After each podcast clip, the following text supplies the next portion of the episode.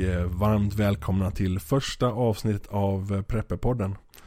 Jag vars vänna stämma ni hör heter Anders, men de flesta känner nog bättre till mig som en svensk prepper. Från att ha varit ytterst negativt inställd till podcast för ett par år sedan, eftersom de flesta verkar bestå i att det är två medias snubbar från Stockholm som såg ut och lät som Alex Schulman, eh, satt och fjollraljerade om ämnen de inte riktigt hade någon som helst koll på alls. Eh, till att bli intervjuad i eh, Homies podcast av Peter och Theo så började jag upptäcka att det faktiskt fanns vettiga podcaster ute att lyssna på. Homies var förstås en av dem även om vettig inte riktigt är ordet jag skulle använda för att beskriva de två herrarna och deras eh, skapelse. Eh, Aron Flams eh, dekonstruktiv kritik är faktiskt eh, väldigt vettig även om den kommer från Stockholm och han på något sätt eh, nog skulle kunna kallas mediasnubbe. Och det senaste har jag även upptäckt Onkel Tom Stugas podcast som ger många bra insikter i ekonomi, självhushållning och det här med personligt ansvar. Allting som enligt mig är viktiga delar i prepping. Det har ju dykt upp en hel del Sägpool-podcast med eh, och flera av dem har sagt att det ska handla om bland annat prepping. Men jag tycker ärligt talat inte att någon av dem har nått ända fram. Eh, för att om man ligger på samma nivå som Myndigheten för svammel om beredskap med enormt lagom och gäspiga svenska 72 timmar så tycker jag inte riktigt det handlar om prepping. Eh, eller preppande om man så vill. För mig och många andra är prepping mer än ett par konservburkar. Det handlar om att kunna ta hand om sig själv eh, och sin familj, de sina som det heter. Eh, att kunna inspirera och utbilda andra i krisberedskap, att kunna överleva även när lagret av konserver har tagit slut. Ehm, I det här första avsnittet kommer ni att få stifta närmare bekantskap med Prepper Sveriges posterboy, den legendariska urvaken. Jag tog mig eh, mot bättre vetande upp till det mytomspunna Bolnorr mitt ute i vildmarken eh, där jag förutom att lyckas med att köra fast i gyttjan med min enligt Prepper Twitters väldigt omanliga och löjliga tvåhjulsdrivna bil även fick en väldigt trevlig pratstund om allt och inget som har prepping att göra med min vän Urvaken. Eh, och så på grund av den här sagda leran så blev jag tvingad att spendera natten där. Och även om det var väldigt, väldigt vackert med en geomagnetisk storm så det var grönt klet över hela himlen och Eh, vi låg vakna länge, länge och pratade så var det tyvärr inga Brokeback Mountain-vibbar alls. Eh, framöver kommer vi att köra en väldigt blandad kompott med typer av inslag. Allt från personporträtt till eh, livesändningar från prepper-event. Eh, herr Pari Prepp har lovat att tycka illa och bra om saker, vilket vi vet att han gör väldigt bra. Eh, vi kommer förstås att utbilda dig som inget vet om prepping till en fullfjädrad legitimerad konservknäppis. Om du har förslag på vad just du vill höra i Prepperpodden, hör av dig till oss på Twitter eller Patreon. Den vackra trudelutten ni hörde i början är skapad exklusivt för oss här på Prepperpodden av en av våra vänner, den talangfulla Mr Gul. Besök gärna hans YouTube-kanal, adressen dit hittar du förstås på patreon.com prepperpodden. Om du tycker om vad du hör så hoppas vi att du hjälper oss att göra en ännu bättre Prepperpodd genom att stödja oss på patreon.com prepperpodden. Det är p-a-t-r-e-o-n.com prepperpodden. Där du eh, betalar det du har valt att eh, stödja med per fullt avsnitt, inte per månad. Även om det just nu råkar sammanfalla. Givetvis är alla avsnitten gratis. Men livesändningar och lite bakom kulisserna och annat exklusivt material kommer enbart vara tillgängligt för våra betalande medlemmar. Dina pengar går oavkortat resor för att kunna göra ännu fler intressanta intervjuer. Vi har redan eh, tekniken, eh, prylarna, eh, kunskapen om en amatörmässig. Eh, och eh, ja, det enda vi behöver är kunna lägga lite mer pengar på det. Eh, vi kommer till en början att släppa ungefär ett avsnitt i månaden. För det kan vi göra utan att det kostar oss själva för mycket tid och reda pengar. Sådär. Njut nu av en dryg timmes samtal om prepping, livet och allt med allas våran urvaken. Samtidigt som Zapad och Aurora pågår för fullt runt omkring oss så sitter jag här uppe på den mytomspunna Bol Norr med Andreas, även känd som Urvaken. Tjena! Hej! Eh, är det bra? Ja, det är faktiskt ganska bra nu när eh, regnet har dragit över och det är till och med lite blått här på himlen så att vi kanske inte drunknar trots allt. Det är rätt vackert med, med träden och rönnbären och röda husen och ja, mysigt. Mysigt ställe att vara här. Sämre ställen finns det ju definitivt. Ja, eh, så Många har ju följt din blogg väldigt länge. De har följt dig på Twitter. Där du nu valt att inte vara aktiv. Eh, är det för att du hatar människor? Nej, det gör jag väl inte egentligen. Men däremot så kan jag tycka att det blev... Eh, det varit lite mycket eh, saker på Twitter som egentligen inte hade så himla mycket med prepping att göra. Och det kändes dessutom att polariseringen på Twitter eh, ökade exponentiellt på något vis. Och det varit väldigt mycket svart och vitt och vi och dem. Och väldigt lite eftertanke. Och då kände jag att eh, vi kliver av en stund och får vi se vart det tar vägen i framtiden. Ja, och din blogg ska du fortsätta köra som vanligt? Absolut, bloggen den eh, kommer jag att fortsätta med precis som vanligt. Ja, vad trevligt. Vi tycker om att läsa där. Eh, så, Urvaken. En, en presentation av dig. Vem, vem är du egentligen? Och varför är du? Varför jag är är ju en rätt så existentiell fråga. Eh, den kanske vi hoppar över och tar en regnig dag, men... Det har ju regnat idag. Det är, ja. väl, det är väl procentuellt sett en regnig dag idag. Ja, det har du jävligt rätt i. En solig kväll. En solig kväll är det i alla fall. Den kanske är en bra kväll för filosofi, vad vet jag. Um, nej men jag är väl uh, en gammal Gammal kufisk datanörd någonstans som började inse att det här med Samhällets sårbarhet var ganska så påtagligt när man började skrapa lite på ytan och insåg att det räcker egentligen med ett långvarigt strömavbrott för att det ska kunna gå rätt så illa och är strömavbrottet ännu längre än någon dag så kan det gå riktigt, riktigt illa. Eh, och där, där någonstans så väcktes väl tanken eh, kring eh, själva sårbarheten. Det gjorde inte egentligen att jag började preppa på en gång. Bara för att jag insåg att det fanns en sårbarhet. Eh, den insikten kom först 2007-2008 eh, där vid den ekonomiska krisen med Lehman Brothers-kollapsen och, och, hela den biten i USA. Där man faktiskt fick reda på att det fanns ett ord som var prepper. Ja, det också. Ehm, det kanske var där i krokarna som det föddes. Förr så kallades, kallades väl de mer survivalister. Då tänker jag genast på någon tomte med, med liksom massa kamokläder som drar rakt ut i skogen och håller käften och syns inte till på ett halvår. Nej, precis. Det är väl urtypen för, för den typen av eh, människor någonstans då. Eh, men, men där, där i krokarna så började jag i alla fall eh, inse att eh, det kanske vore bra att följa de råden som många ekonomiska analytiker faktiskt gav där. Att det är inte så dumt att ha lite extra mat och förnödenheter Även om man ser en ekonomisk kris som ett troligt scenario. Och det var ju precis det som skedde lite senare då. Och ehm, alltså Det finns ju egentligen eh, Två frågor som jag alltid har fått när jag blivit intervjuad. Eh, och det är ju frågorna eh, Varför började du preppa? Som du har varit inne på lite nu. Eh, och vad preppar du för? Det är en ganska alltså, hatad fråga. Tycker jag. Alltså, jag personligen tycker att, att det är ju det här med effekterna av mm. olika saker som i Sverige blir ungefär samma sak. Det, är liksom, det brukar vara strömavbrott, brott i kommunikationer, um, icke tillräcklig polis och andra samhällsresurser. Så det, är, det spelar ingen roll om det är zombies eller ryssen eller uh, utomjordingar eller vad som helst. Nej. Uh, så vad, vad, vad, tycker du är troligt? Alltså har du något scenario som du har liksom i bakhuvudet? Eller är det enbart effekterna av av, som är ungefär samma sak oberoende av, eh, av scenario som kommer att hända. Jag är ju prepper så jag kan inte säga kan hända utan jag måste säga kommer att hända. Annars är jag inte trovärdig alls. Ja, ja men alltså det är ju väldigt intressant när man tittar på det utifrån olika scenarios. Jag har ju skrivit om en del scenarios på bloggen. Eh, kanske mest för att själv bena ut tankarna jag har kring just olika scenarios. Det finns ju fler, alltså det finns ju scenarios som är mer troliga än andra om vi börjar i den änden. Det är ju mindre troligt att det kommer utomjordingar och invaderar jorden än att vi får en ekonomisk kollaps till exempel. Likaväl är det ju mer troligt att ryssen anfaller eh, Baltikum än att eh, en meteor slår ner och, och liksom orsakar en mass för, massutrotning som eh, för 65 miljoner år sedan.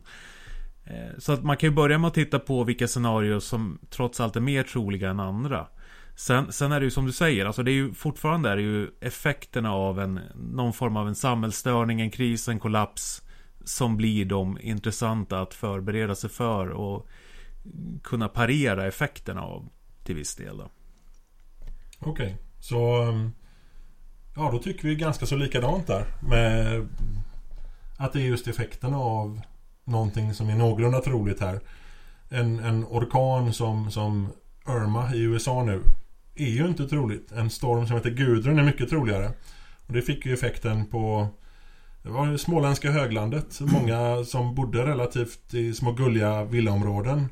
Som var utan ström i tre veckor. Och det var flera dygn som de inte kunde komma därifrån för att det låg träd över alla vägar. Precis, och då ska man ju ändå vara medveten om att de människorna som bodde lite utanför samhället i stort så att säga ändå är i regel någorlunda bättre förberedda än eh, om vi uttrycker oss som eh, människor som bor i städer, alltså stadsbor. Um, så att, Sa han med lite avsmak? Ja, in, inte avsmak men det är väl bara ett faktum att... Förakt då? Nej, jag har inte så mycket förakt för människor som bor i städer. Jag tycker bara att de har gjort... Hopplöshet? Tvivelaktiga livsval, uttrycker jag det så. ja, eh, ja precis. Det, det, är just det att, att det, de som blev drabbade av Gudrun var ju människor som var rätt vana vid att bli av med ström och sånt där. De, var ju redan, de hade ju liksom det som numera kallas prepping. De var preppers fast de var egentligen bara förberedda på att det sket sig lite. Ja, alltså det ju, har ju varit en del av eh, eh, människor på landsbygden. De har ju fått leva med det. Att det, elnäten är mer eftersatta. Vägnäten är mer eftersatta. Det, plogbilen når dem sist så att säga. Det, det är en del av vardagen. Det är en del av livet. Och då är det ju dumt att kalla det för prepping om man eh, liksom inte behöver sätta en etikett på det. Utan det bara är som det är. Ja. När, när jag träffade dig första gången efter vi har snackat länge på nätet. Eh, då bodde du i en stad. Yes. En sån här anonym mellansvensk vanlig jävla stad. Eh, ja det, det, vet ju alla som har läst bloggen att det var Arboga och det är ju en... Så fruktansvärt mellansvensk vanlig stad. Ja, mitt i gnällbältet. Ja. Och jag ber om ursäkt för alla som stör sig på gnälliga dialekter. För det kommer säkert att gnällas lite här. Uh, ja, och där, alltså du, du valde ju att du ville ut på landet. Ja. Och nu har du flyttat från Arboga. Yes. Det vet vi ju. Eh, och du har även skaffat det här stället då som, som i folkmun går i namnet Bol Norr. Och, en, I folkmun? I, i, prepper, i preppermun då. Ja. ja. Våra lyssnare. Eh, jag hoppas på att, på att jag inte använder för många begrepp som eh, inte gå fram alls här. Men är det så att du hör någonting på den här podcasten. Det är jag sa podcast. Wow. Ja. Jag har varit lite anti-podcaster innan. Eh, ja, men det... nu, nu, är du en podcast. Åh oh, herregud, ja. Eh, är det så att du, du hör något uttryck eller något ord som du, eller förkortning som du inte fattar vad fan det är frågan om. Ta och skriv en kommentar där du hör det här. Det kan vara på bloggen eller det kan vara på Twitter eller Sådär. Eh, prepperpodden.se om du lyssnar på det här i din favoritpodcast-applikation eller så. Eh, och eh, eh Prepperpodden på Twitter. Eh, Prepperpodden på Facebook. Skriv var du vill. Eh, fråga gärna vad, om du hör någonting så. Bol är alltså en bug out location. Ja. Det är dit man åker när det skiter sig. Eller helst lite innan. Ja, ja. Eh, precis. När skiten träffar fläkten. Precis. Och då skaffar du det här Bol Norr. Mm. Som uppenbarligen ligger norrut. Eh, det ja. vet vi. Eh, vi, vi, vi, vi preciserar det till Norrland. Ja. 60% av Sveriges yta. Eh, och ehm, varför skaffade du inte just det? Var, varför vill du ha en bug out location? Um, det här är ju lite mer komplicerat än vad man först kan tro. I och med att när jag började preppa egentligen så bodde jag i en villa i en annan mellansvensk eh, småstad. Eh, och då var planen hela tiden att bugga in, så att säga. Att stanna kvar hemma. Att vid en kris inte fly utan att jag hade mina förråd där hemma och jag skulle stanna där hemma eh, och eh, vädra ut stormen helt enkelt. Ehm, på grund av olika anledningar och den som har följt bloggen är fullt införstådd i eh, de övergripande detaljerna kring vad som hände så flyttade jag ifrån huset, jag sålde det och gjorde mig skuldfri. Vilket egentligen var en del av min långsiktiga plan någonstans för livet. Eh, lagom flummigt så. Um, och för att kunna göra det så behövde jag någonstans och bo under tiden jag eh, fick ordning på mitt landställe så att säga. Och eh, då sammanfaller den planen med att ha någonstans att ta vägen när det skiter sig. Så att eh, när man bor i en lägenhet så vill man inte gärna stanna kvar i den lägenheten mer än nödvändigt om skiten träffar fläkten och då behöver man en bug out location. Och en bug out location bör helst vara annat än en gräsplätt. Utan hus på. För då blir det väldigt kallt och väldigt blött. Varför då? Därför att det kan regna och därför kan det vara vinter. Det är, det är sant. Det kan ju inte bestämma när, när skiten träffar fläkten. Det kan den göra. När som. Ja, precis. Precis. Och dessutom är det ju väldigt behändigt att ha någonstans att kunna föreställa sina eh, förråd. För att en lägenhet har en viss begränsning och det är yta. Eh, har man ett landställe så finns det oftast ekonomibyggnader eller i alla fall bättre möjligheter att förrådställa saker där. Så att eh, Bol Norr fungerar egentligen i min värld som en eh, tillflyktsort just nu och i förlängningen ett framtida hem. Så eh, när du är här uppe håller du på och förbereder. Jag, du ser, det är ett väldigt mysigt ställe det här. Eh, gammalt torp kan man väl kalla det va? Ja. Eh, med gott om mark och ja, det ser ut att kunna brukas rätt väl. Eh, man, man, man, när jag går och tittar här så tänker jag ut massa trevliga saker man skulle kunna göra. eh, och du har ju... Hur, alltså hur mycket förbereder du på att kunna bo här permanent eller kunna bugga ut hit när det behövs? Och vad... Eh, fyller du på förråden konstant eller, eller tänker du längre så att du tar med dig en, en liksom eh, jordfräs för att kunna göra potatisland eller vad, vad hur, hur planerar du och hur gör du nu under tiden som det bara är egentligen ett lantställe? Um, Alltså det är ju en långsiktig plan och det är ju väldigt mycket arbete som krävs för att få det till att bli vad jag vill ha det när det är klart nog att kunna flytta hit så att säga. Min, min långsiktiga plan är att kunna flytta upp hit och kunna vara så självförsörjande som det egentligen går att vara utan att Ja, jag vet inte, bli Amish eller någonting. Ehm, men under tiden så får man ju se till att dra nytta av den, det samhälle och den teknik och den infrastruktur som finns. Jag är ju liksom inte självplågare på något vis. Så att jag tänker ju inte eh, försöka plöja jorden med, med eh, manuella verktyg om jag inte måste. Utan då är ju en jordfräs betydligt mer tacksamt att använda än eh, liksom Eh, jag har inte ens tillgång till en oxe om man säger så. så att det blir... Inte ens en oxe Inte alltså. ens en oxe, nej. Utan jag... du är en dålig människa. Ja, jag vet. Jag... Värdelös som prepper. Ja. Inte en oxe alltså. Nej, jag vet. Och jag ska ställa mig i skamvrån efter vi har pratat klart här och, och skämmas ett par timmar.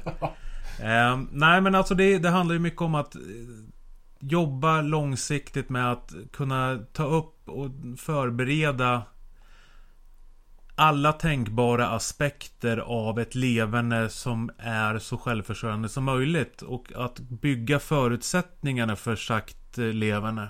Och det handlar ju alltifrån att kunna få upp eh, alltså hönshus eller lagårdar eller förbereda odlingsbäddar. Eh, se till att det finns någon form av energiförsörjning, säkerställa vattentillförsel det finns oändligt mycket saker att göra. Eh, och, och allting måste ske på ett strukturerat sätt i och med att tiden här uppe är i dagsläget väldigt begränsad. Jag menar, jag kan bara vara här i bästa av världar kan jag ju åka upp hit varje helg Men det skulle bli fruktansvärt dyrt att göra så Så att i, i praktiken kanske jag kommer upp en gång i månaden Och på vinterhalvåret när det är snö så är det mycket snö här uppe Och då har jag inte ens möjligheten att vara här överhuvudtaget. Så att min tid där uppe är en väldigt begränsad resurs och då måste man vara så effektiv som möjligt när man väl är här. Det känns ju alltså lite eh, kontraproduktivt också att, att lägga skitmycket pengar på att åka hit varje helg.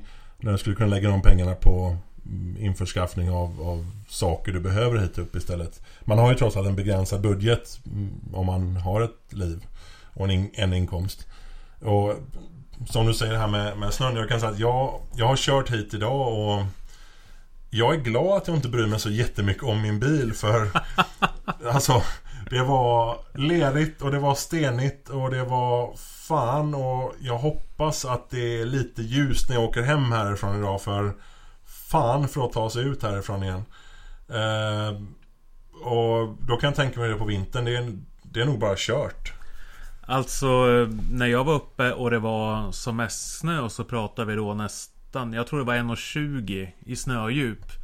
Eh, Det gick inte att åka den biten du körde sönder din bil på upp hit Utan det var bara att ställa bilen vid större vägen och sen vandra I det snödjupet. Och jag kan säga att det var jobbigt med packning eh, Och då var det ändå flera vänder jag var tvungen att gå Eller vi var tvungna att gå rättare sagt för vi var två Eh, och det finns också dokumenterat på bloggen för den som är intresserad av att se. Det var, finns det också lite bilder där för eh, tagna när det var eh, rätt djup snö. Då. Eh, jag kan säga att, att, när, när han säger större vägen här så...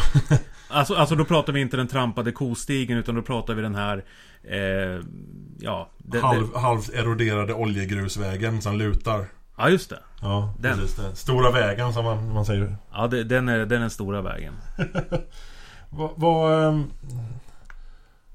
vad eh, har du för planer för hösten och vintern och sen våren här nu? Har du någonting, några konkreta planer som du ska göra liksom? Vad, hur, hur lägger du upp det här? Hur, hur tänker du? Tänker du på behov eller tänker du på budget eller tänker du på vad du har lust att göra?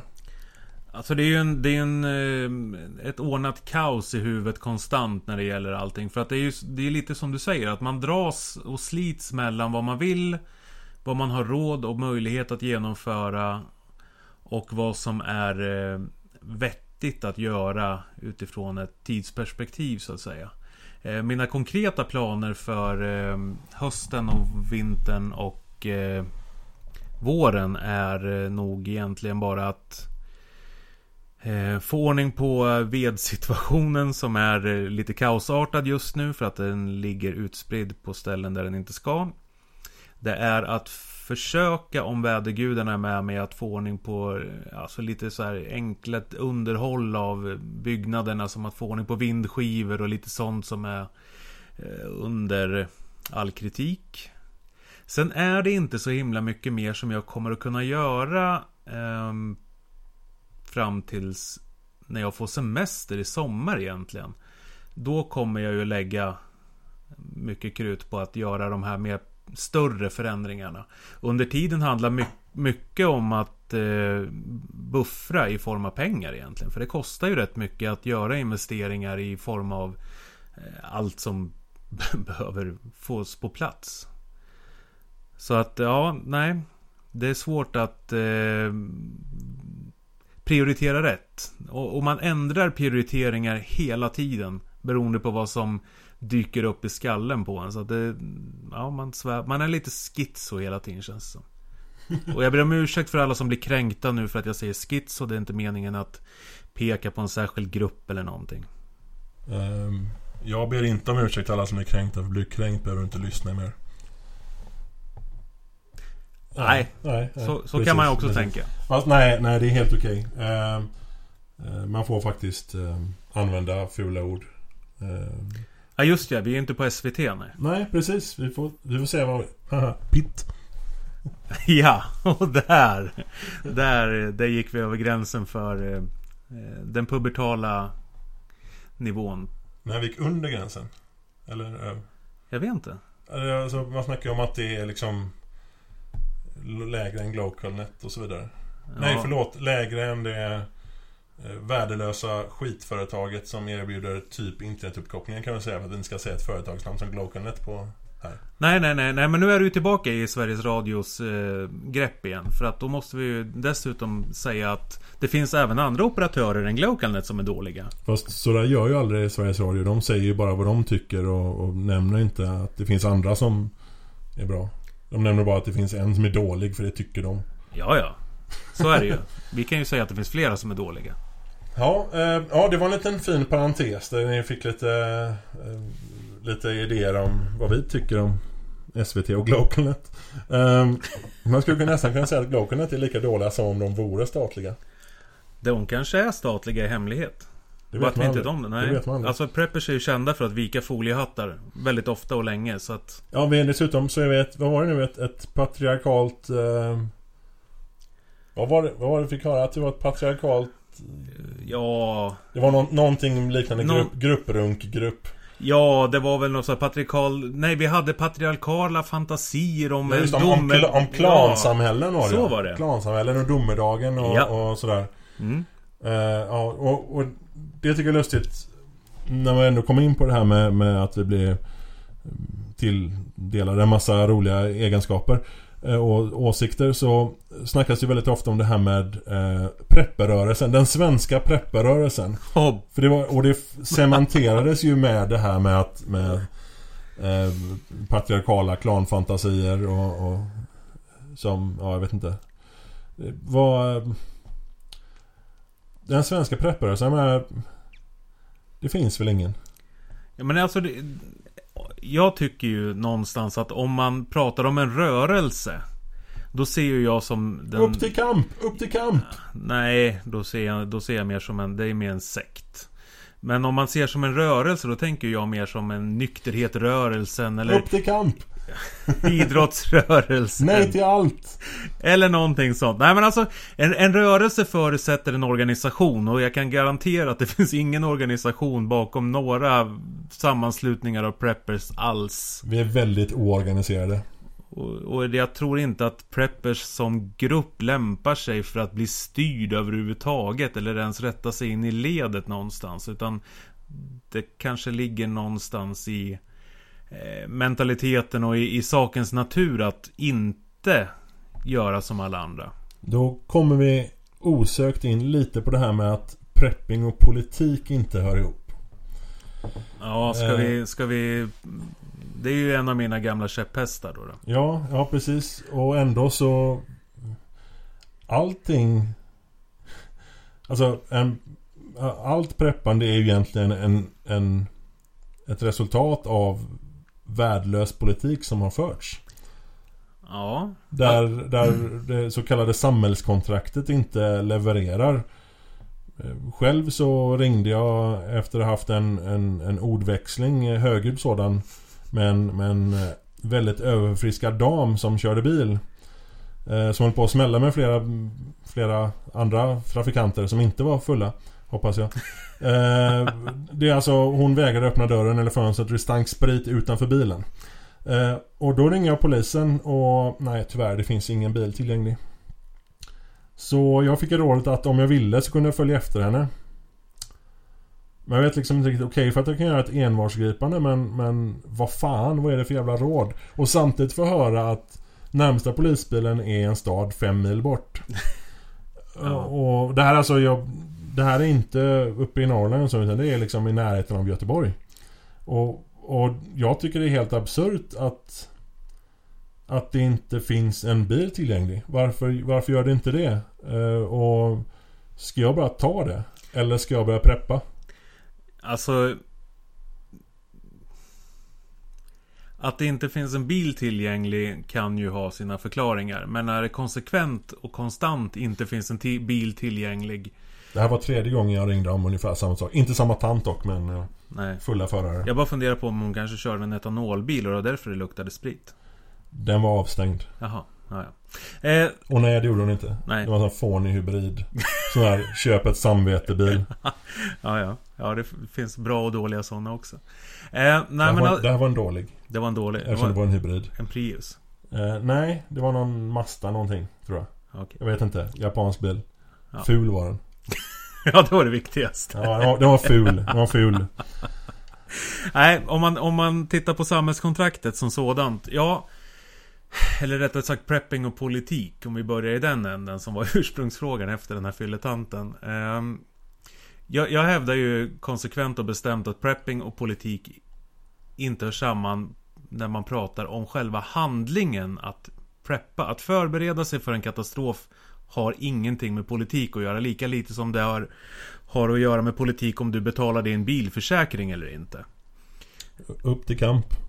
Ja, möjligtvis.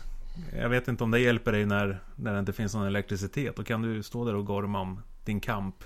Ja, det är just det. Men, men eh, däremot så kan man ju kanske se det som att att handlingen prepping inte har med politik att göra. Men konsekvensen, alltså det som leder upp till ett en samhällskollaps har ju givetvis med politik att göra. Och det som händer efter en kollaps kommer ju garanterat att ha med politik att göra.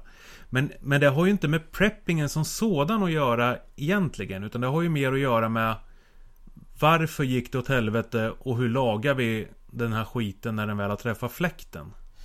Um, där är ju frågan som jag har fått några gånger att om man då medvetet ställer sig utanför samhället med eh, preppande i någon form. Eh, alltså om man drar det till sin spets att man liksom ber världen dra åt helvete. Här sitter jag med mina konserver mm. eh, torp ute i skogen och håller käft och gillar läget och så kan ni brinna bäst fan ni vill. Yep. Eh, jag har ju fått frågan om inte det är egoistiskt.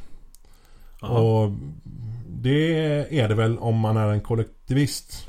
Absolut. Där man anser att, att staten äger alla individer och att de ska liksom göra vad de blir tillsagda och vara myrstack liksom. Men, men, samtidigt är det också så att vi är individer oavsett vad någon annan tycker eller vill. Det spelar ingen roll om någon kommer till mig och säger att du är en del av ett kollektiv. Om jag väljer att inte vara en del av ett kollektiv kan jag inte tvingas in i ett kollektiv annat men med våld. Till och... exempel genom att betala skatt jag vet ju precis vart du står i den frågan. Eh, och, och, ja, till viss del. Men samtidigt kan man fortfarande använda... Man kan, man kan ändå till viss del glida undan systemet och, och, jobba i utkanten av systemet för att liksom komma undan där. Nu pratar jag mer hands-on. Eh, vill du inte jobba i vår saltgruva så får du sitta i ett Gulag. Eh, mer så inte det typ samma sak? Nej, jag har väl lite svårt att se att en eh, fånganstalt i Kumla är samma sak som ett arbetsläger. Jag tänkte, jag tänkte saltgruva och Gulag. Liksom det... Jaha, ja, ja, ja, ja, ja. men det är ju bara en definitionsskillnad. Ja, givetvis. Okej, okay, okay. eh, Så är det ju. Eh, nej, men... Ja, det är egoistiskt att vara prepper, men samtidigt så vad är alternativet? Alltså, tittar man på det praktiskt och pragmatiskt. Och det här brukar jag oftast ta upp ibland, eller oftast ibland, nu ska ni höra. Jag, jag brukar ta upp det i, mina tankegångar i alla fall och det är att om jag inte kan hjälpa alla Då kan jag i alla fall hjälpa de närmast mig. Och det är, det är väldigt enkelt varför man bör resonera så. För att du har inte möjligheten att hjälpa alla. Om, om du har mat för 90 dagar hemma då är alternativet att hjälpa dig själv i 90 dagar eller att hjälpa 90 personer i en dag. Och till vilken nytta hjälper du 90 personer i en dag? Och det är dessutom inte din uppgift som samhällsmedborgare att hjälpa alla andra. Det är faktiskt statens uppgift. Har, har du någon, alltså finns det någon grupp av människor du har någon slags moraliskt ansvar för att faktiskt ta hand om? Var, var, liksom, var går gränsen? Var, var... Alltså nu är vi inne på väldigt svåra frågor. Till, ty, ja, till alltså, att börja med. Vad, vad, vad, tycker du om det? Alltså vad, jo, jo. Hur, hur många... Vilk, vilken, I vilken utsträckning har du ansvar för andra? Jag har ansvar för de människor som jag har ansvar för i vanliga fall. Det vill säga min familj. Det, det är ju egentligen krasst så jag ser det. Sen har jag ett moraliskt ansvar för mina närmsta medmänniskor. Sen om det är mina vänner eller om det är mina schackkompisar eller om det är min eh, närmaste släkt eller vad man nu väljer att se det. Det är ju bara jag själv eller upp till var och en egentligen som kan avgöra det. I och med att moral hör ihop med ditt eget samvete. Och vad säger ditt eget samvete? Vilka är det som du har samvete nog att mota bort, om man ska vara krass, i, i en situation där de behöver hjälp och du har resurser att hjälpa dem, eventuellt. Där någonstans i ligger preppens eviga dilemma när vi kommer till eh, moral och etik och, och, och, och, vad det egna samvetet säger. Eh, och det här är inga lätta frågor att eh, tackla på något vis. Alltså om, om, det, om det kommer en för mig främmande människa eh, och knackar på min dörr och ber om hjälp. Så blir det för mig en resursfråga. Det blir matematik. Och det är väldigt elakt och väldigt kallt. Men samtidigt är det om jag tar in den människan så halverar jag mitt eget eh, mitt eget förråd och min egen tid att klara mig på de förråden som jag själv har gjort uppoffringar för att säkerställa att de finns där när jag behöver dem. Om det är rätt eller fel att göra så. Det, det, det, det tänker inte jag lägga någon värdering i. Men jag kan däremot säga att det konsekvensen av att handla så är uppenbar. Och det är att jag halverar min egen tid att klara mig. Och eh, alltså När du planerar ditt förråd eh, och andra saker relaterat till mängd om man säger så. Mm. Vad planerar du för då, nu? Vad, vad är liksom din, vad är din, vad är din, eh, ditt ramverk som du använder idag? Eh, när det gäller mat och, och, och, vatten och övriga förnödenheter så siktar jag på ett år för dem jag planerar att försörja om jag uttrycker det så. Mm. Och har de vet de om det här? Ja. De, de är in, in, äh, Ja, ja, de, de, är, de är införstådda i att det finns eh, förnödenheter för de människorna, ja. Och de är införstådda med att det antagligen kommer krävas någon motprestation till exempel vanligt manuellt arbete? Jag har ju, alltså... För det antar jag att, att, att om du bjuder in dem hit ja. då så... Här är en grep. Ha så kul med gödselstacken liksom. Ungefär så. Jag menar, det, det kommer ju att ge sig självt. Alltså... Arbetar man så äter man. Det säger sig självt. Arbetar du inte så kommer du svälta, inte idag men kanske imorgon. Alltså, det är en logisk konsekvens av vad som krävs. Och den som inte förstår det, den har ingenting här att göra. Nej, det, det känns ju rätt bra. Jag, jag, någonting jag har märkt när jag umgås så mycket med, med oh, den inre kretsen i den svenska prepperrörelsen.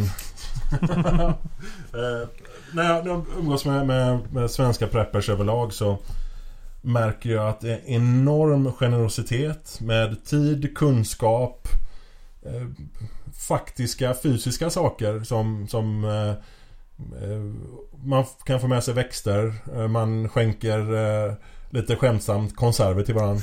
Man, man eh, Ja det var ett, ett, par som gifte sig för ett tag sedan och eh, de fick en hel, eller en halv veranda full av preppgrejer anpassade yep. till dem som, som mm. present. Mm.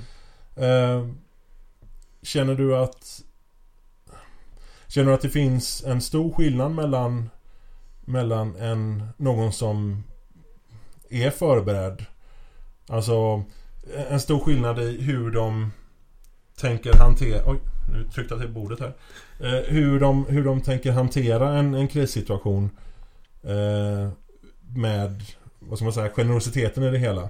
Känner du att en prepper har mer rationella tankar eller har de mer eh, Ja, preppers kan få saker alla andra kan dra åt helvete. Liksom vad, vad Ja, jag förstår, jag förstår vad du far efter. Ja är, är preppers bättre människor i det? ja, definitivt. Nej. absolut inte skulle jag säga. Alltså preppers Skillnaden mellan en prepper och en som inte är en prepper oavsett vad du väljer att kalla den är väl egentligen bara insikten i att saker och ting kan gå till helvete. Är en prepper mer rationell än en eh, vanlig Svensson? Inte nödvändigtvis skulle jag säga. Däremot generellt, ja, men det, det, liksom, det finns ju regler med undantag givetvis. Eh, det finns säkert preppers som är väldigt irrationella och, och tänker eh, i, i banor som är eh, fullt ologiska men ändå kallar sig preppers. Eh, det finns liksom alla typer av människor om vi säger så. Jag, jag, säger, jag, jag säger inte att någon är bättre eller sämre människa bara för att man har eh, en Du krismedvetenhet. Du säger bara att de är bättre eller sämre preppers? Ja, faktiskt. Ja, ja. Så är det. Däremot så kan jag väl tycka att när det kommer till generositet så, så håller jag ju med dig i din analys och din beskrivning av hur preppers är nu när saker och ting fortfarande fungerar. Eh, och jag skulle ju om jag fick välja så skulle jag ju hellre ha ett gäng preppers vid min sida när skiten träffar fläkten än ett gäng människor som inte är förberedda.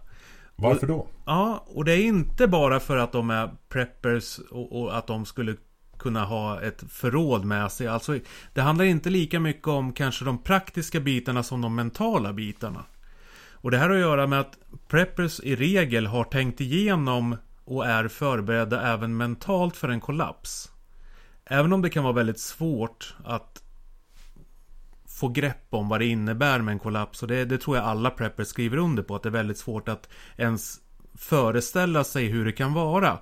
Men jag tror många preppers ändå har tänkt tanken, gått igenom situationer där, där, där man går igenom från A till Ö vad som kan ske och hur det kan utspela sig så att säga.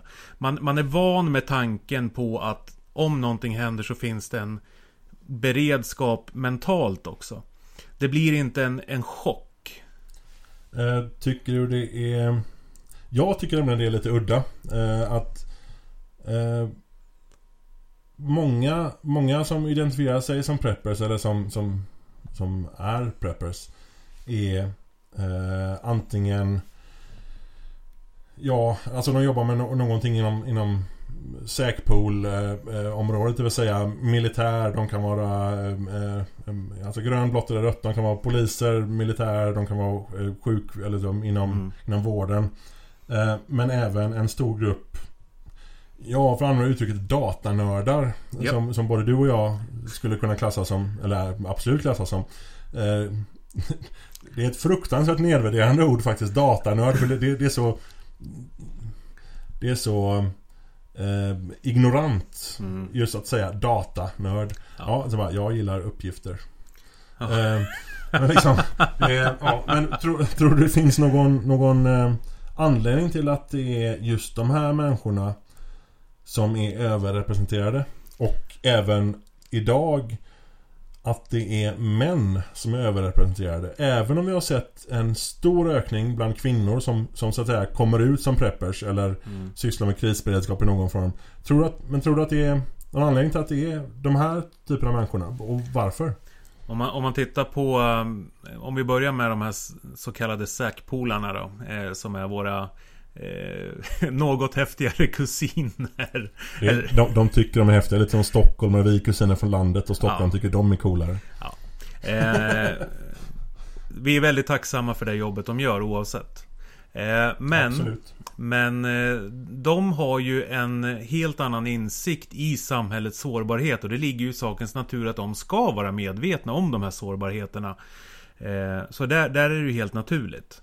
Däremot frågan om varför det är så många så kallade datanördar som är eh, eh, preppers är mer Kan det ha med struktur och, och liksom så här Ordning liksom? Ordnings... Kan det ha någonting med, med Eller har det att göra med att, att nördar ofta har en bra fantasi? Att de liksom kan sätta sig in i saker enklare. De, de bryr sig lite mer om att analysera saker. Kan det vara... Det, det är vad jag tänker i alla fall. Att, Mm. Alltså, att de, de bara lallar inte omkring på ytan så mycket. Nej, och sen är de ju benägna att grotta ner sig i ämnen som de är intresserade av. Och börjar man nysta i sårbarheter i samhället så blir det ju väldigt eh, uppenbart att, att det finns väldigt mycket som inte är, eh, hur ska vi uttrycka det? Fungerande. Ja, fungerande kanske det är idag, men det är väldigt lätt att det blir ofungerande vid en större kollaps i alla fall. För att det inte är genomtänkt genomfört. Exakt. Men jag tror också det finns en, en, eh, en aspekt där som du tar upp med eh, fantasi.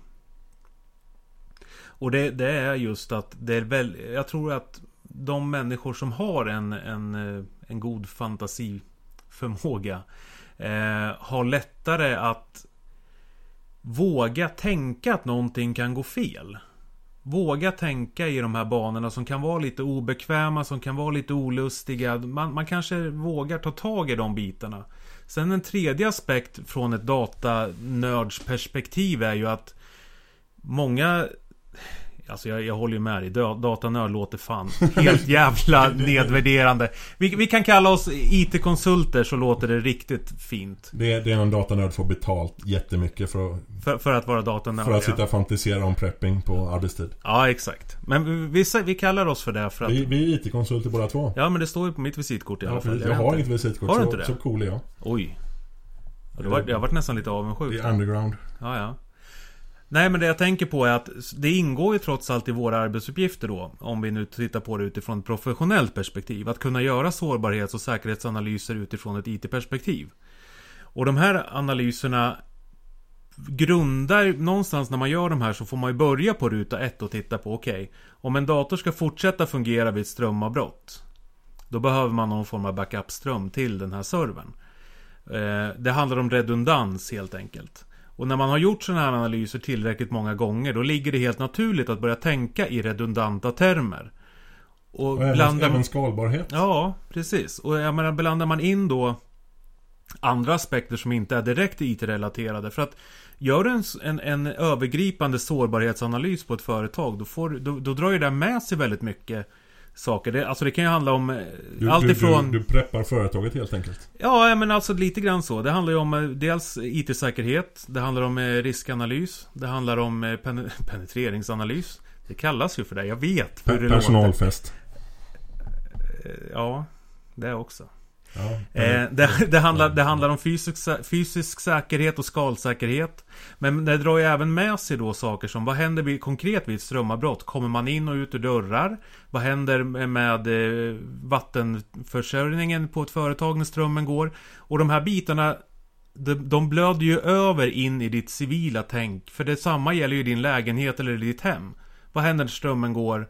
Eh, ja just det, toaletterna slutar funka. Alltså allting det här går ju i varandra och har man jobbat med det här tillräckligt länge då faller det sig ganska naturligt att det mixas.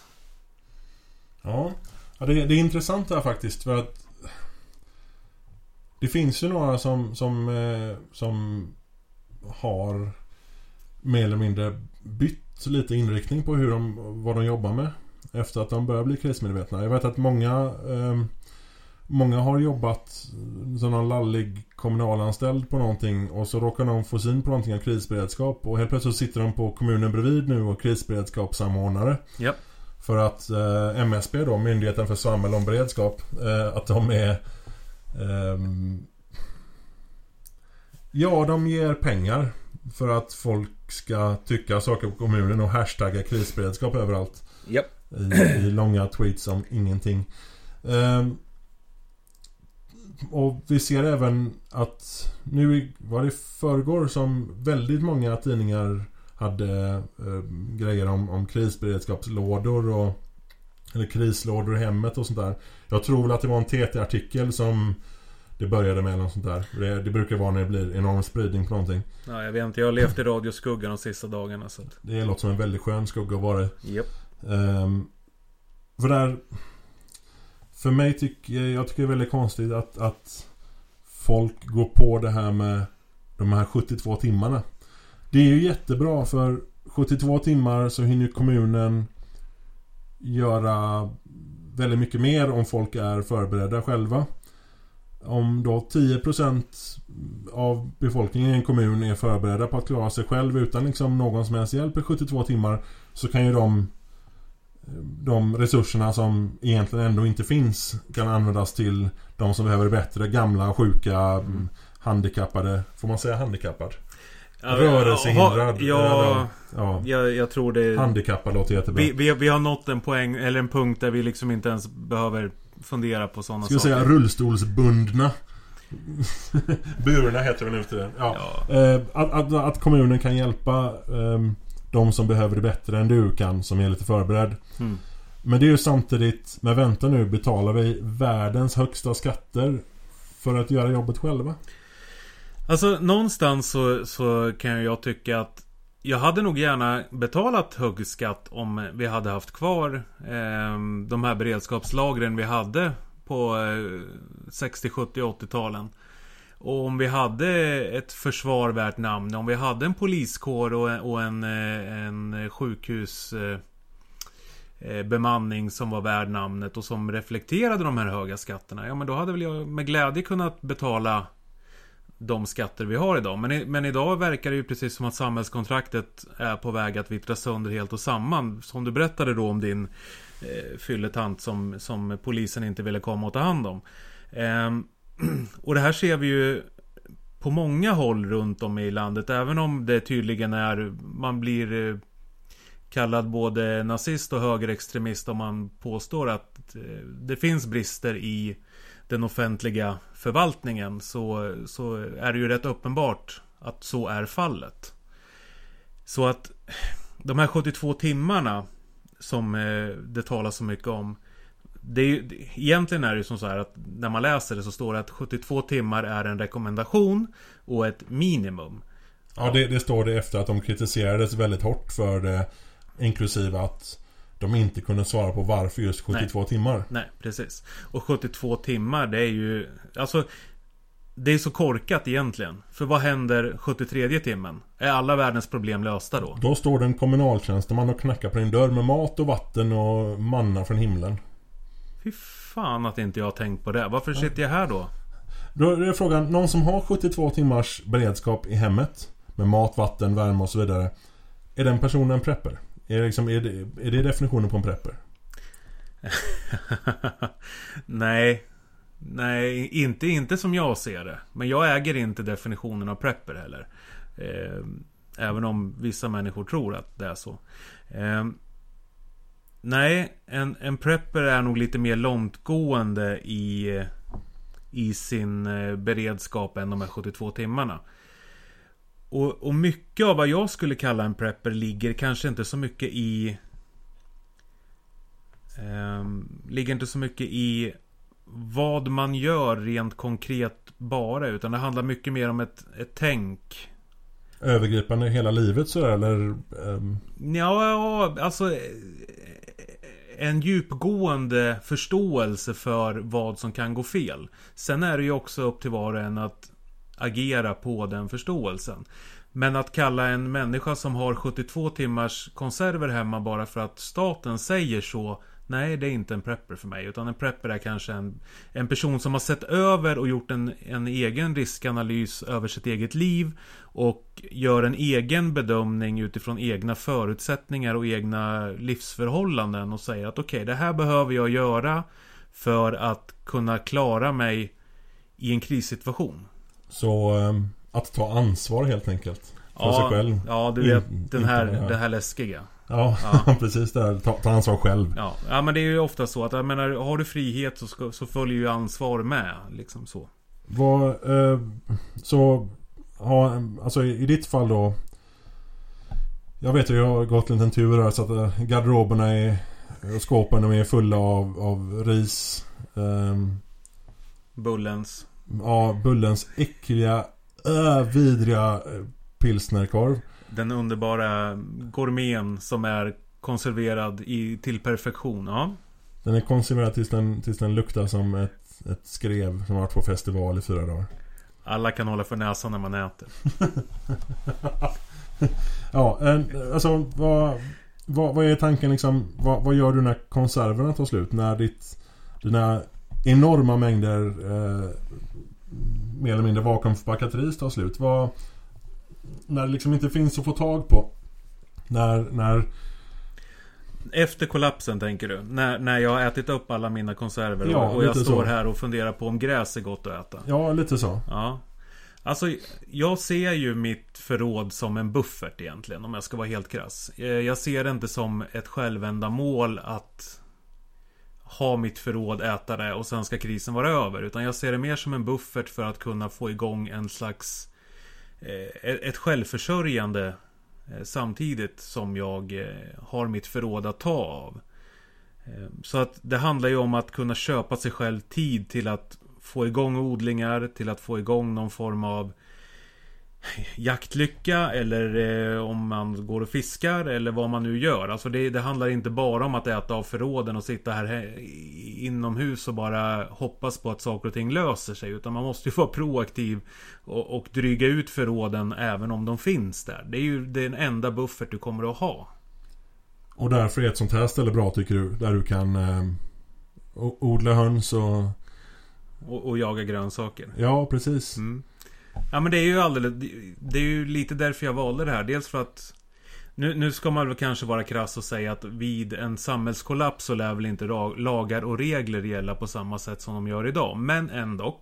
Fram tills dess så finns det ändå jakträtt på marken. Det finns tillgång till vatten med fisk. Ehm, det finns väldigt goda odlingsmöjligheter. Det finns tillgång till ved. Alltså alla förutsättningarna finns där. Så att eh, Då är det bara pannben som gäller. pannben och så in i helvete. Eh, skulle du... Eh, säg att... Ja, vi, vi säger det, det smäller i Stockholm. Liksom. Det, det, det blir full-blown skiten träffar fläkten. Eh, ja, skulle, du, skulle du uppskatta att få hit fler preppers? Sådana du känner bokstavligt. Alltså, eh, skulle... Kan någon del av din plan innefatta att det blir en liten, liten sån här smurfby-kommunism här? Att, att liksom kan Det får plats en husvagn där borta säger jag och där kan man bygga ett Mm. till hus och sådär. Skulle det underlätta för dig? Det är ju lite grann så, så som du säger att Ja, definitivt. För att svara på din fråga väldigt klart, tydligt och enkelt. Eh, och egentligen... Jag, jag, jag nickar nu så ni som inte ser det. Ja, så hörde jag ja. sitter och nickar lite eftertänksamt. Mm, mm. Lite GV så. Ja, just det. Mumla lite under skägget sådär. Nej men det är ju, det är ju Ensam är inte stark, så är det helt krast.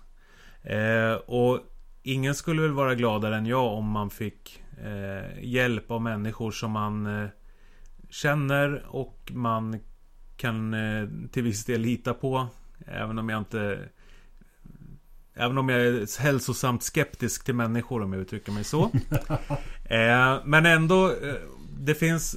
Det, att vara ensam, helt ensam vid en kollaps kommer att vara en mardröm. Och den som tror att den kan springa ut i skogen och leka Rambo behöver nog käka några reality checks-piller för att du kommer att vara miserabel och du kommer inte att klara dig helt enkelt. Likaså är det om jag skulle bo själv här uppe och skiten skulle träffa fläkten så skulle jag ha väldigt svårt att klara mig själv någon längre tid. Och det gäller både de eh, fysiska aspekterna såväl som de psykologiska aspekterna. Att sitta själv i en stuga, då börjar du snart prata med träden och få svar. Det är bara för att du inte har någon volleyboll. Exakt. Fan, det måste jag skaffa mig en volleyboll. Och en... eh, En, En, sprit- pen, en spritpenna. spritpenna. Ja, men det tror jag jag har någonstans. Nej men alltså, det är klart att man vill ha hjälp av folk. Och man, om, får man hjälp av folk som dessutom har kunskap i olika ämnen som man själv kanske inte är lika insatt i så är det otroligt värdefullt. Alltså det är klart man kan läsa till sig väldigt mycket när skiten väl har träffat fläkten om man har haft lite förutseende nog- eller varit förutseende nog att skriva ut eh, material på, på papper så att säga. Men det tar väldigt lång tid och tid är kanske inte alltid är det, en, en resurs du har mycket av. Nej, har, har du gjort det? Har du skrivit ut eh, saker på papper? Alltså så det finns i fysisk Mm. hard copy som det heter. Yes. Det har jag. Det, ja, det är, det är faktiskt väldigt vettigt. För det finns, det finns extremt mycket information på internet som dessutom är extremt gratis. Utan till och med att vara moraliskt liksom förkastlig. Du kan faktiskt hämta hem Alltså det finns ju tiotusentals böcker om, om allt som prepping kopplar till. Alltså odling och hönsskötsel och fan vet allt. Eh, som är gratis. Alltså Ja, ja, visst. helt gratis. Absolut. Eh, och då så... Om vi ska börja runda av här så tänker jag... Det måste finnas sånt här, så här fem snabba måste man ju ha med. Ja. Behöver inte vara så jävla snabba men... men Men det är ett Eh, krav. ja precis. Annars får man inte kalla sig podcast. Nähä. Nej. Får- Vad fan är man då? En ljudinspelning? Välkommen till ljudinspelningen, prepper-ljudinspelningen. Ja. Okej, ja. Så det är bäst ja. att köra de här fem nu så att vi... Ja, okej. Eh, av dina prylar, dina prepprelaterade prylar som du har hemma. Ja. Eh, Prepp. Ja, det var många. Titta, titta på ljudvågorna där borta. Ja. Av dina eh, prepprelaterade prylar. Eh, vilken är den bästa prylen du har? Åh. Alltså jag är ju... Jag hatar ju prylar. Ja, just därför ställer jag frågan. Ja, jo, jag det var förstår ju det. Ja. Alltså en vanlig jävla morakniv. En morakniv. Ja. Varför? Därför att en morak... Alltså det behöver inte vara en morakniv. Men alltså en kniv är väldigt allsidigt och praktiskt. Det är nog det... Om man måste ta en enda sak så, så skulle jag säga det. Eh, Du kan, du kan göra väldigt mycket med en kniv. Eh, mer än du kan göra med en hammare till exempel. Det är väldigt sant. Väldigt sant. Ja, eh, och den bästa kunskapen du har ehm,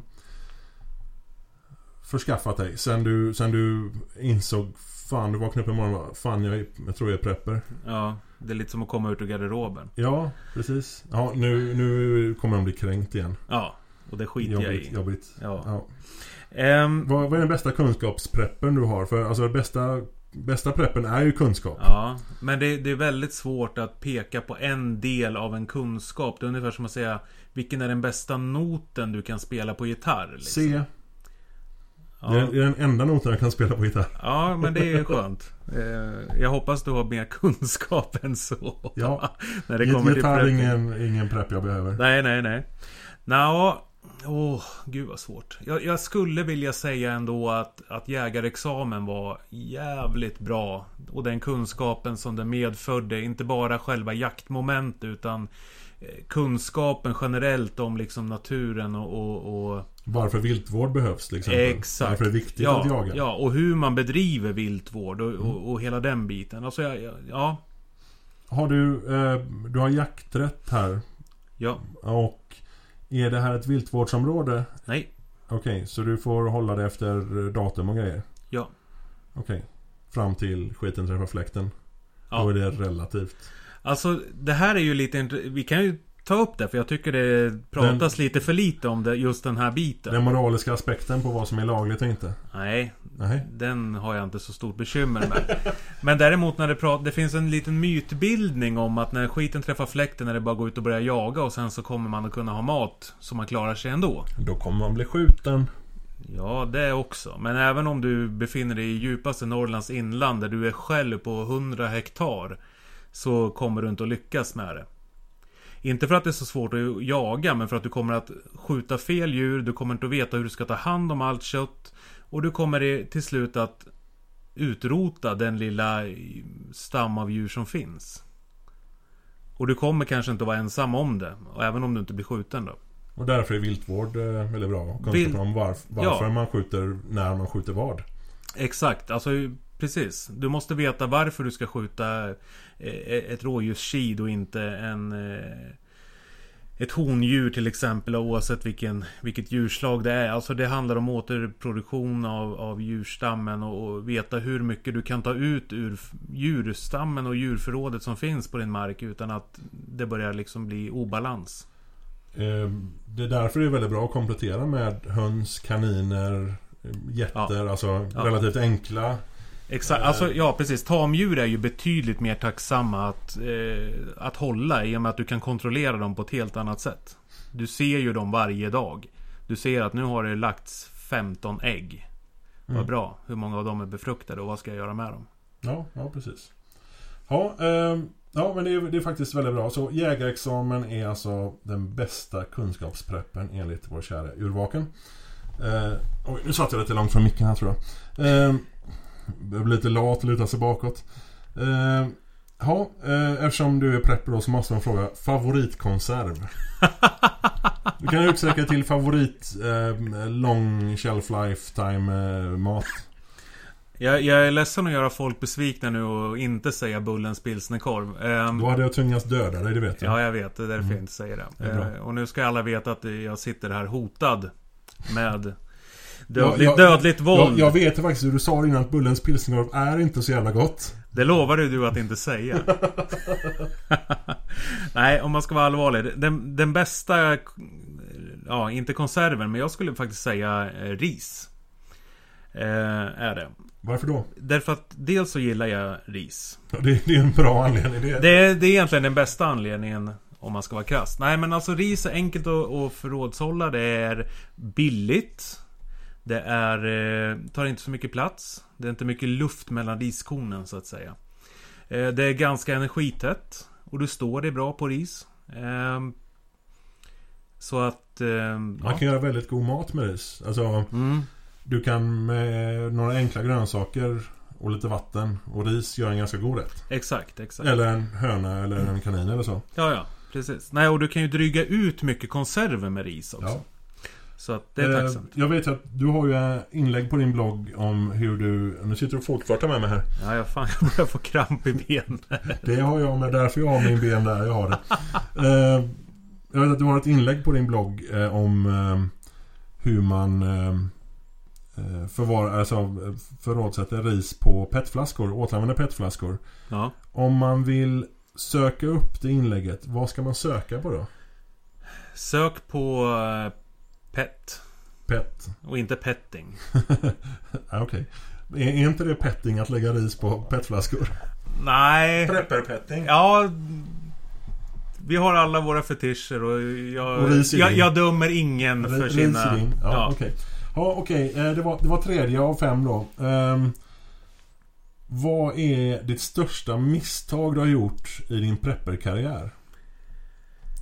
Oh. Jag vet att jag har skrivit ett inlägg om det här för länge sedan. Och, och jag kommer inte ihåg vad det står i det inlägget. Så alla som går tillbaka nu och börjar titta på det här kommer ju att säga att nej men du har gjort massa misstag. Och det, det, du är ju helt korkad. Ehm, jag, jag, så här skulle jag säga. Mitt största misstag Enskilt största misstag Det var att börja i fel ände när jag började preppa. Hur då? Eh, för att Kruxet var att när jag började preppa var det mitt under brinnande ekonomisk kollaps och jag fick för mig att det bästa sättet att förbereda sig på är att inte ha sina pengar på banken utan att ha dem i ädelmetaller. Eh, så jag började i bakvänd ordning kanske man kan säga. Jag började preppa ädelmetaller innan jag började tänka på att fan jag kanske behöver dricka någonting och jag kanske behöver äta någonting. Och jag tänkte att nej men det kan man ju köpa för silver. Naiv och dum som jag var. Ehm, så det är liksom kanske mitt största... Egentligen är det inget misstag för jag har ju fortfarande kvar allt. Eh, alla ädelmetaller som jag köpte då. Så det är ju inte, det är inte ett misstag, det är bara att jag började i fel ordning. Men sen skulle jag vilja säga att det största misstaget rent generellt har varit att inte hålla jämn takt mellan de olika sakerna jag preppar. Det är väldigt lätt att man skenar iväg och köper på sig sju helsike mycket mat. Och sen har du ett litet triangelkök för att laga den här maten på. eh, som kommer att ta en hel dag att värma upp liksom en måltid på. Eller att du inte har vatten men att du har väldigt mycket mat. Eller vilken, vilken liksom... Du har inte dasspapper eller du har inte hygienartiklar. Du har ingen medicin. Alltså Se till att alla förberedelser går hand i hand i tid så att säga. Hur länge de räcker. Då, då är det nästan så att den femte och fråga, eh, sista frågan här är ju bästa tipsen till nybörjare. Någon som egentligen vill skaffa sig en krisberedskap. Vad, vad ska de göra? Det, det känns som att du svarade lite på det nu att liksom se till att Mm. mm. bredda eh, grejerna. Vad, om, om, alltså Kalle Johansson sitter i eh, Sveg. Sveg, Sveg säger jag, eller Filipstad. Sveg är bättre. Ja, okej. Ja, allting är bättre än Filipstad. Eh, okej, Kalle sitter i Sveg. Ja. Kalle bor i en lägenhet. Kalle är singel. Han, han brukar ligga med någon på, på Stadshotellet. Eh, på krogen där. Drar han hem något vrak lite då och då. Men han är singel. Han har ett skittråkigt jobb. ja. Eh, Och han har liksom inte han, han, har inte hur mycket pengar som helst men han kan, han kan lägga lite pengar på, på liksom skaffa sin krisberedskap. Vad, vad, vad är ditt bästa tips? Vad ska han börja med? Jag tycker att han ska börja med eh, Han ska börja tänka efter. Till att börja med ska han titta på vad han redan har tillgång till. Eh, Vraket på Stadshotellet är kanske inte en tillgång Men han kanske har någonting i sin lägenhet i form av Inte vet jag ett, Han kanske har varit ute och gått i skogen när han var yngre eller någonting och har ett eh, triangakök Eller han kanske har Eh, inte vet jag, en morakniv eller någonting. Gör en inventering hemma och se vad har man tillgång till. Bor man i villa har man säkert Har man ofta en grill till exempel. Då har man alltid någonting man kan laga mat på. Då kräver det dock att man skaffar grillkol eller briketter eller eh, gas eller vad man nu kör det med. Yes, givetvis. Men, Annars men, blir man stående där igen och ja, har för lite av så funkar ingenting. Nej, precis. Men börja göra en inventering. Börja titta med vad har jag faktiskt i mitt skafferi. Eh, skriv ner allting sånt och sen skriver man ner hur lång tid man tror man kan tänkas behöva förbereda sig för. Och det kan vara klokt att börja med en vecka. Och sen skriva upp, okej okay, hur mycket går det åt för en vecka av olika saker? Hur mycket vatten går det åt? Hur mycket mat går det åt? Hur mycket tandkräm går det åt? Det kanske du har hemma för en vecka, vad vet jag? Hur mycket har du mediciner du är beroende av? Se till att försöka få ut dem eh, för en längre period. Så att du får mer vid varje eh, tillfälle du hämtar ut dem. Eh, se till att du har vatten om jag inte sa det. Eh, se till att du har bränsle. Se till att du har ett alternativt sätt att värma dig med. Sen kan det, behöver inte det vara liksom avancerade grejer men se till att du har filtar eller sovsäckar, eh, varma kläder. Börja där. Börja med de enkla sakerna som ger mest effekt. Sen kan man börja liksom brodera ut och titta på längre tidsperspektiv. Men, men börja med de lågt hängande frukterna. Ja, okej. Okay. Det, det låter vettigt. Eh, om du kan rekommendera eh, Förutom då självklart din blogg och min blogg. Eh, de, de är ju självklara. Så Förutom urvaken.com och svenskprepper.se Har du någon blogg eller någon sida du vill rekommendera folk att liksom fördjupa sig lite på? Nej, utan jag skulle vilja slå ett slag för, ja, ironiskt nog Twitter då. I och med att jag inte befinner mig där. Men det finns väldigt, väldigt mycket gott folk eh, under hashtaggen prepper.se med stor SE. Inte för att spela någon roll, men det är bara estetiskt Principen viktigt. är viktig. Ja, eh, där finns det jättemycket samlad kunskap. Och ställ en fråga under den hashtaggen så kommer eh, någon garanterat att ge dig ett svar eller peka dig åt rätt håll. Eller eh, öppna en dialog eh, för vad du nu behöver hjälp med. Eh, jag, jag, tror det är den enklaste och snabbaste vägen eh, för att liksom bli pekad på rätt information. Ja, det låter ju faktiskt väldigt vettigt. Ja, eh, tar vi och får nästan ta och avsluta här va? Det börjar bli lite mörkt ute. Jag, blir, jag börjar bli lite rädd för att köra på den här helvetes åsnestigen igen. Ja. Okej okay, för att jag har en sletbil men en åsna är det absolut inte. Eh, ja, jag får helt enkelt tacka för att jag fick komma hit till den här mytomspunna Bol Norr och tacka för att du ville eh, dela med dig av dina tankar och din kunskap. Tack själv och det var väldigt trevligt att ha dig här och det var jättekul att få vara med i den här podcasten. Ja, och det här avsnittet eh, hamnar ju faktiskt i eller den här, den här intervjun Samtalsstunden, vad man ska kalla den Hamnar ju faktiskt i första avsnittet så du som hör på det här Kanske redan vet om att du lyssnar på första avsnittet i och för sig. Ja, ja det får vi hoppas. Ja, vi, vi, tar, vi tar och trycker på stoppknappen här nu så får um, Jag kommer säkert köra ett eftersnack här också. Så ha det bra. Hej då. Du har lyssnat på första avsnittet av Prepperpodden med mig, Anders eller en svensk prepper om du så vill. Vi har eh, träffat Uvaken som har pratat om sig själv och vad han anser om prepping. Vi kommer självklart att träffa honom fler gånger framöver, både i reguljära avsnitt och kanske lite livesändningar bakom kulisserna för dig som stöder oss på Patreon. Du kan förutom på patreon.com prepperpodden Du kan nå oss på facebook.com prepperpodden Du kan nå oss på prepperpodden.se Och självklart prepperpodden på Twitter. Jag hoppas att det här har varit en trevlig dryg timma och att vi hörs nästa gång. Ha det så bra.